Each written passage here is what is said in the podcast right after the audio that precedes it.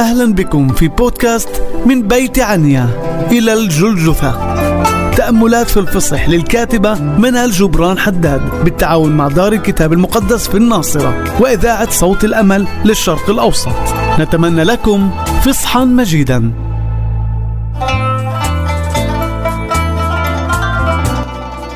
ولما كانت الساعة اتكأ والإثنى عشر رسولا معه وقال لهم شهوة اشتهيت أن آكل هذا الفصح معكم قبل أن أتألم.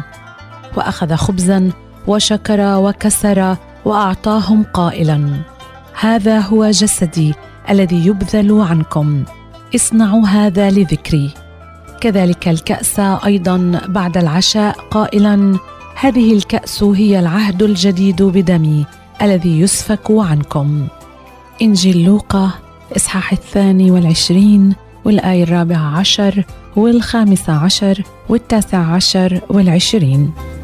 العشاء الأخير يأتي إليه يسوع بشوق كبير لأن يجلس مع تلاميذه في هذه الساعات الأخيرة قبل أن يسلم للعذاب.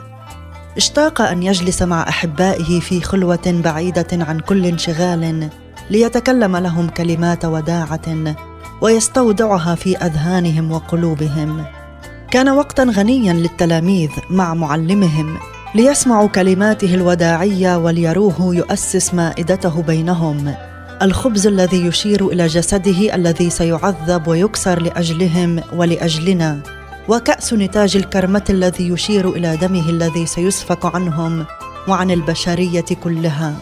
وقت خلوة ثمين تأسست فيه العناصر التي تشير إلى العهد، فكانت فريضة انتقلت لنا ولكل الأجيال لكي نصنع ذلك لذكر السيد إلى أن يرجع ثانيا.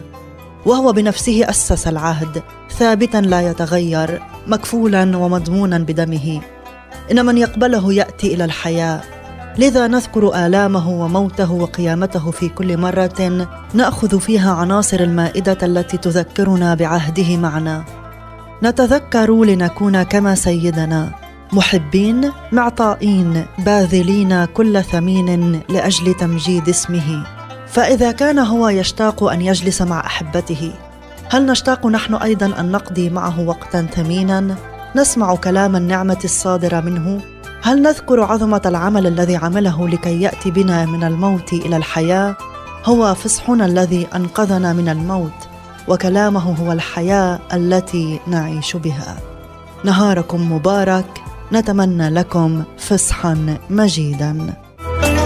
نشكركم على حسن المتابعة لبودكاست من بيت عنيا إلى الجلجثة. للمزيد. تابعونا على محرك البحث على مختلف منصاتنا الاجتماعية. إذاعة صوت الأمل.